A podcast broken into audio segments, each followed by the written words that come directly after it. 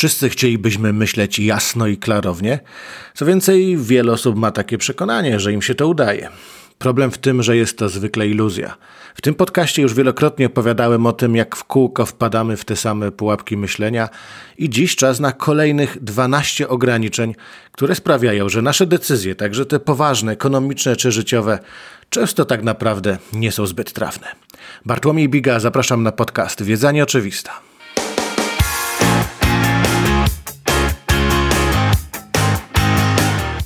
Zacznijmy od problemu, który jest szczególnie dotkliwy dla ekonomistów. Nasz mózg słabo radzi sobie ze statystyką.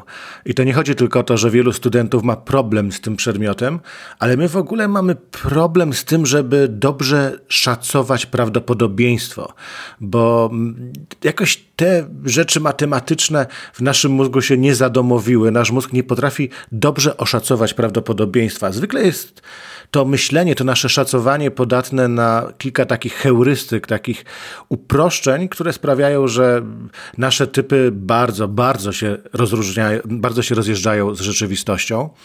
Przede wszystkim ulegamy heurystyce dostępności, czyli my szacujemy prawdopodobieństwo jakiegoś zdarzenia w ten sposób, że próbujemy sobie odnaleźć w naszej głowie, kiedy ostatnio z czymś takim się spotkaliśmy. W zależności od tego, czy łatwo nam przychodzi odnalezienie tego w głowie, czy trudno, szacujemy, że coś w całym społeczeństwie jest częste albo rzadkie. I to sprawia, że na przykład mamy przekonanie, że więcej ludzi ginie w zamachach terrorystycznych niż w wypadkach samochodowych, a jeszcze więcej, albo myślimy, że więcej ludzi ginie w wypadkach samochodowych niż umiera na choroby krążenia i tak dalej, i tak dalej. Temu oczywiście winne są media, ale nawet nie musimy przecież całej winy na nich zwalać. Jest to tak, że jeżeli my wśród naszych znajomych na przykład nie znamy nikogo, kto zachorował na jakąś chorobę, uważamy, że ona jest rzadsza. Kiedy tak się trafi, że mamy kogoś, jest to ktoś nam bliski, ktoś, kto o kim pamięć siedzi w naszej głowie, wtedy będziemy szacować to na większe prawdopodobieństwo. I to się przekłada na zjawiska gospodarcze, na nasze prognozowanie jako ekonomistów. Drugi taki błąd, w który w tym kontekście wpadamy, w kontekście tego, że my sobie nie bardzo ze statystyką, z prawdopodobieństwem radzimy, to jest coś, co anglosasi nazywają survivorship bias, czyli to, że my mamy skrzywienie, bo zbyt często słyszymy historię wielkich sukcesów. No bo to jest tak, że jeżeli ktoś osiągnie wielki sukces i później chwali się w tym w mediach, opisuje to w swojej książce, to to do nas trafia. Natomiast ci, którzy robili tak samo, czasami nie odnoszą sukcesu i o nich już słuch zaginął. Więc my myślimy, że jeżeli będziemy stosowali się do tego, co radzi nam jakiś celebryta, albo tego, co radzi nam jakiś biznesmen, który odniósł sukces, to jest to taki przepis, jak przepis kucharski, który jeżeli spełnimy go dokładnie, osiągniemy założony efekt. Prawda jest taka, że my w ten sposób po prostu mylimy warunek konieczny z wystarczającym. To nie jest tak, że jeżeli powtórzymy to wszystko, to na pewno osiągniemy sukces. Na przykład pisarze chwalą się, co trzeba zrobić, i ludzie myślą, że jeżeli zrobią to samo, to też będą tak samo popularni. Ale prawda jest taka, że za każdym popularnym pisarzem jest stu innych, którzy zrobili to samo, a nie osiągnęli sukcesu. Zatem w tym naszym szacowaniu prawdopodobieństwa wpadamy też w to, że czasami mylimy warunek, który jest konieczny, no bo trzeba dobrze pisać. Ale to, że dobrze piszemy, niekoniecznie jest wystarczające do tego, żebyśmy odnieśli tak wielki sukces jak chociażby George R. R. Martin.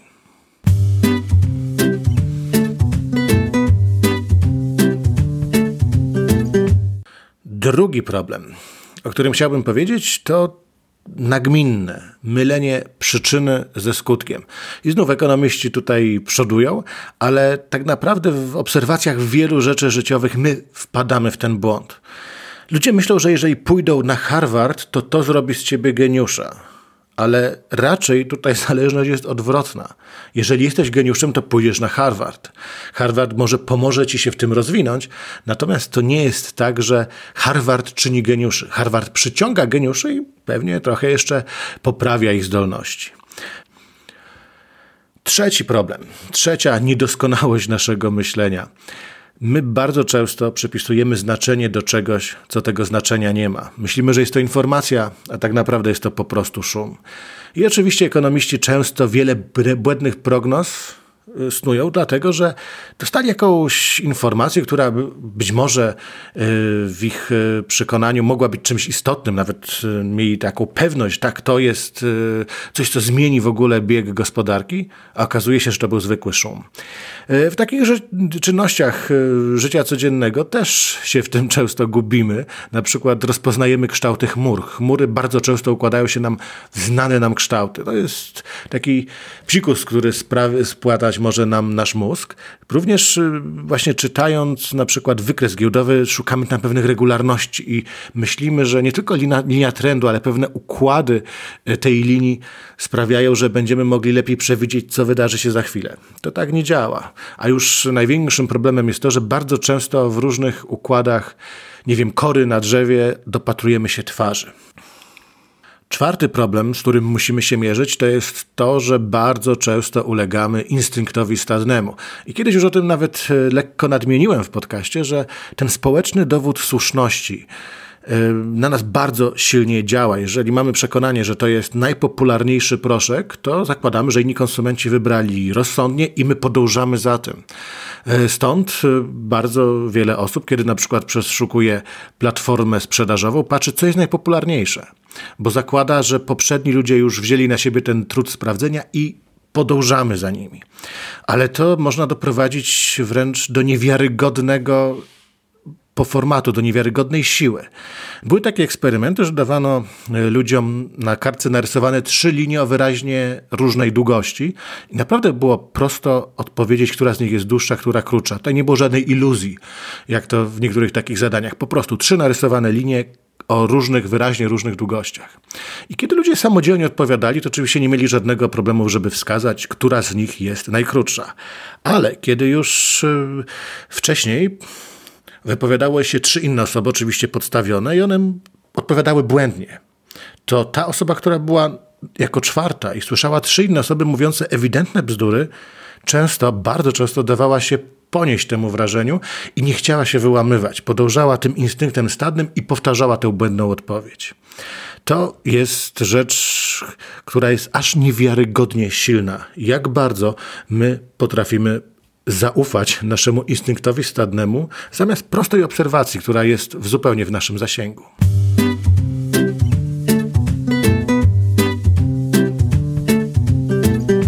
To wynika też z tego, że my lubimy potwierdzać to, co już wiemy. To jest y, piąty punkt, o którym chciałem powiedzieć, bo my zwykle szukamy dowodów na poparcie naszej tezy. Czyli jeżeli już y, usłyszymy coś, jeszcze nie traktujemy tego jako swoje, ale usłyszymy to później kilkukrotnie i przyjmiemy to jako swoje, chociażby w ramach instynktu stadnego, to później już kolejne informacje, które będą dobiegały, czyli gdyby po nas ktoś próbował coś oszacować inaczej niż my, to my będziemy to odrzucać. I my bardzo często, przeglądając internet, szukamy dowodów na poparcie naszej tezy. Tutaj media społecznościowe jeszcze bardziej nas w tym utwierdzają, bo my nie lubimy takiego dysonansu. My wolimy czuć się bezpiecznie, i dlatego mamy ogromny problem, żeby wyrwać się z tego. Jeżeli mamy, załóżmy, poglądy konserwatywne, to media społecznościowe jeszcze więcej będą nas karmiły takimi treściami i odwrotnie w przypadku poglądów liberalnych. I my też, nawet dostrzegając coś, co wywraca nasz sposób rozumowania, coś, co dostarcza argumentów drugiej stronie sporu, my raczej to pomijamy. I dlatego ci, którzy potrafią znaleźć w sobie siłę do tego, żeby przełamać to y, tą chęć potwierdzania tego, co już wiemy, to mają dużo większe szanse na sukces, bo to sprawia, że rzeczywiście myślimy bardziej klarownie. Docierają do nas inne argumenty, możemy się z nimi zmierzyć. To nie znaczy, że musimy zmienić swoje zdanie, ale możemy wyostrzyć swoją argumentację i to jest bardzo cenne. Szósta rzecz, znów szczególnie adresowana do ekonomistów, my nie umiemy prognozować i to może sobie każdy sprawdzić. Warto po prostu pisać sobie dziennik i tam wpisywać swoje prognozy, co do różnych rzeczy, które śledzimy, co do których mamy przekonanie, że wiemy, jak się rozwiną.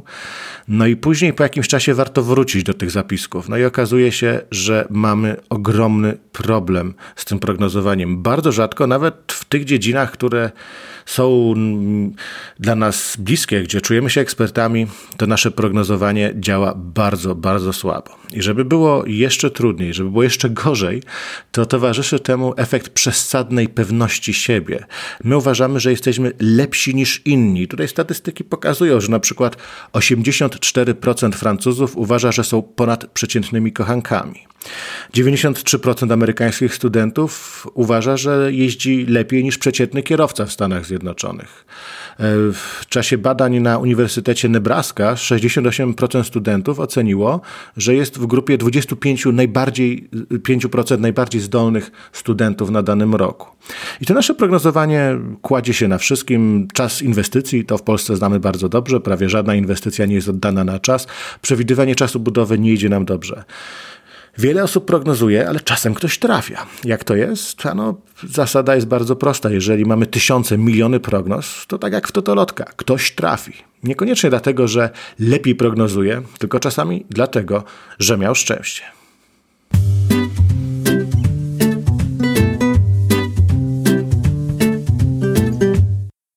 Siódmy problem, z którym musimy się mierzyć, to iluzja kontrolowania sytuacji.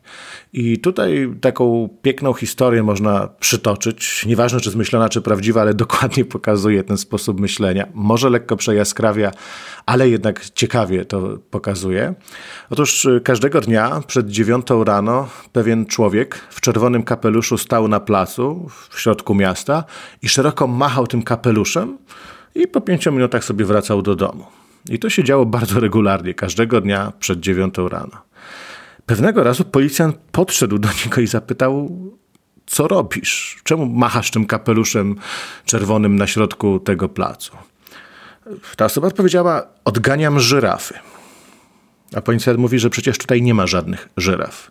I ta osoba z taką niekrytą dumą, widzisz, jak bardzo dobrą robotę wykonuje. I to jest y, myślenie, które może nie aż w tak karykaturalnej formie, ale działa w bardzo wielu osobach. Ósma sprawa to to, że my bardzo często skupiamy się na efektach, a efekty są wypadkową jakiegoś prawdopodobieństwa. To znaczy, czasami podejmując te same działania, w trzech na cztery przypadki udaje się, a czas w jednej czwartej się nie udaje. I my oceniamy jednoznacznie, udała się operacja, nie udała się, i mimo że lekarz zawsze działa w jakimś szablonie prawdopodobieństwa i przy jednostkowej obserwacji skupianie się na samym efekcie może być bardzo krzywdzące, bo czasami samo działanie mogło być zupełnie zgodne ze sztuką, ale akurat to złe prawdopodobieństwo się ziściło i przekreślanie czyjś zasług tylko na tej, na tej podstawie może być niesprawiedliwe. Kolejna rzecz to efekt rzadkości. My bardzo łatwo ulegamy okazjom, czasem pozornym, jeżeli coś jest rzadkie. Jeżeli na przykład sklep wprowadzi limit, ile można kupić danej rzeczy. Mamy, nie wiem, promocję na cukier, jest limit, że maksymalnie 5 kilo na osobę. No to my już nawet nie skupimy się na, na tej cenie, tylko w naszej głowie zakorzeni się takie myślenie to jest limitowane, to jest rzadkie, więc pewnie sklep boi się, że to wszyscy wykupią, bo to jest tak wielka okazja, ja też kupię. I oczywiście sprzedawcy tym pięknie manipulują, my dajemy się na to złapać. Wszystko, co jest rzadkie, to boimy się, że nam umknie. Już y, nie dajemy sobie komfortu pomyślenia nad tym spokojnie, tylko często zbyt pochopnie kupujemy. Dziesiąty punkt to to, że my bardzo często stosujemy myślenie indukcyjne. Co to znaczy? To znaczy, że z pojedynczych obserwacji wyprowadzamy ogólne wnioski. I to jest duży problem, no bo oczywiście czasami w ten sposób da się działać. Tak generalnie cała psychologia, nauka psychologii działa, że obserwują ileś pojedynczych rzeczy i na podstawie tego wyciągają ogólne wnioski. Tutaj ekonomiści akurat troszkę inaczej postępują, więc tutaj ekonomiści nie będą głównymi oskarżonymi, ale my w tym naszym życiu codziennym bardzo często z pojedynczych obserwacji, z takich dowodów anegdotycznych, bo mi się to stało, bo u mojego szwagra tak było, wyciągamy ogólne wnioski. I to nas czyni bardzo nieodpornymi na rzeczywistość. To nas bardzo czyni narażonymi na takie nagłe zdarzenia, które mogą być bardzo bolesne dla nas. Takim typowym myśleniem Indukcyjnym jest takie myślenie indyka przed świętem dziękczynienia. On taki indyk jest codziennie karmiony, bardzo się o niego dba, więc on sobie myśli, że to jest wspaniałe. Już kolejny dzień z rzędu jestem naprawdę dobrze nakarmiony, mój gospodarz się o mnie troszczy. I z tego myślenia w żaden sposób nie wynika, że czeka go kolejnego dnia ogromne szok, ogromne ryzyko. Nie, nawet nie tyle ryzyko, tylko pewna śmierć.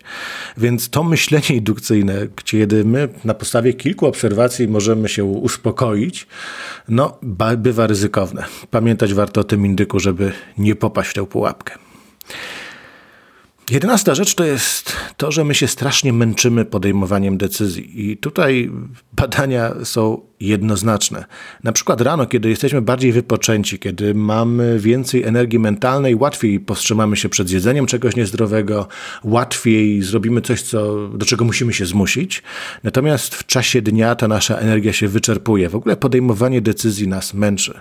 Dlatego znane są historie wielu osób, które sobie ograniczają liczbę decyzji do podjęcia, na przykład zawsze chodzą ubrane tak samo i to nawet wśród tych znanych osób. Za tym stoi pewna nauka. Podejmowanie decyzji nas męczy i to sprawia, że jeżeli trafimy na taki moment, kiedy już jesteśmy sfatygowani, kiedy już mamy naprawdę dość podejmowania decyzji, to następną podejmiemy na podstawie już fatalnego skrótu myślowego. My już nie uruchomimy głębszego myślenia, tylko po prostu weźmiemy coś standardowego, coś domyślnego, no i znów możemy na tym sporo stracić.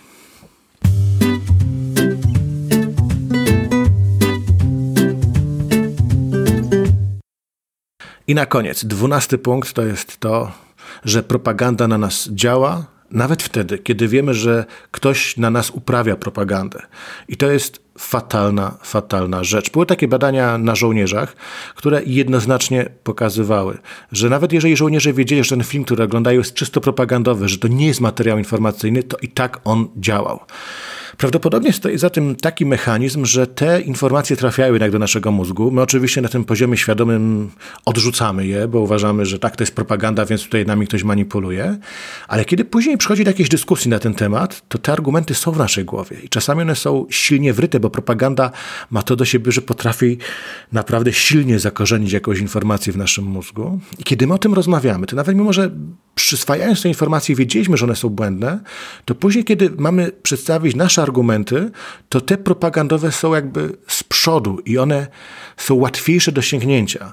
I dlatego my w pewnym sensie później z nich możemy skorzystać, a jeżeli już z nich skorzystamy, to bronimy tego jako własnych.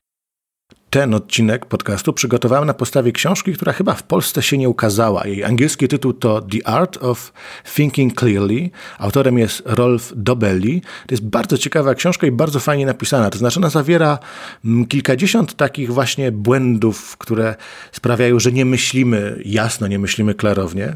I też bardzo mi się spodobało to, jak kończą tę książkę. On w podsumowaniu przytacza pewną anegdotkę, e, mianowicie taką, że papież zapytał Michała Anioła o sekret jego geniuszu. Jak udało się Michałowi Aniołowi stworzyć tak wspaniały posąg Dawida? Na co Michał Anioł odpowiedział z rozbrajającą szczerością. To proste. Usunąłem po prostu wszystko to, co nie jest Dawidem. I to jest też dobre podsumowanie tego podcastu. Jeżeli chcemy myśleć klarownie, to przede wszystkim musimy się skupić na tym, żeby usunąć wszystko to, co nam zaciemnia obraz, bo nasz mózg w zasadzie potrafi dobrze myśleć. Bardzo dziękuję. Zapraszam na kolejny odcinek podcastu Wiedza Nieoczywista.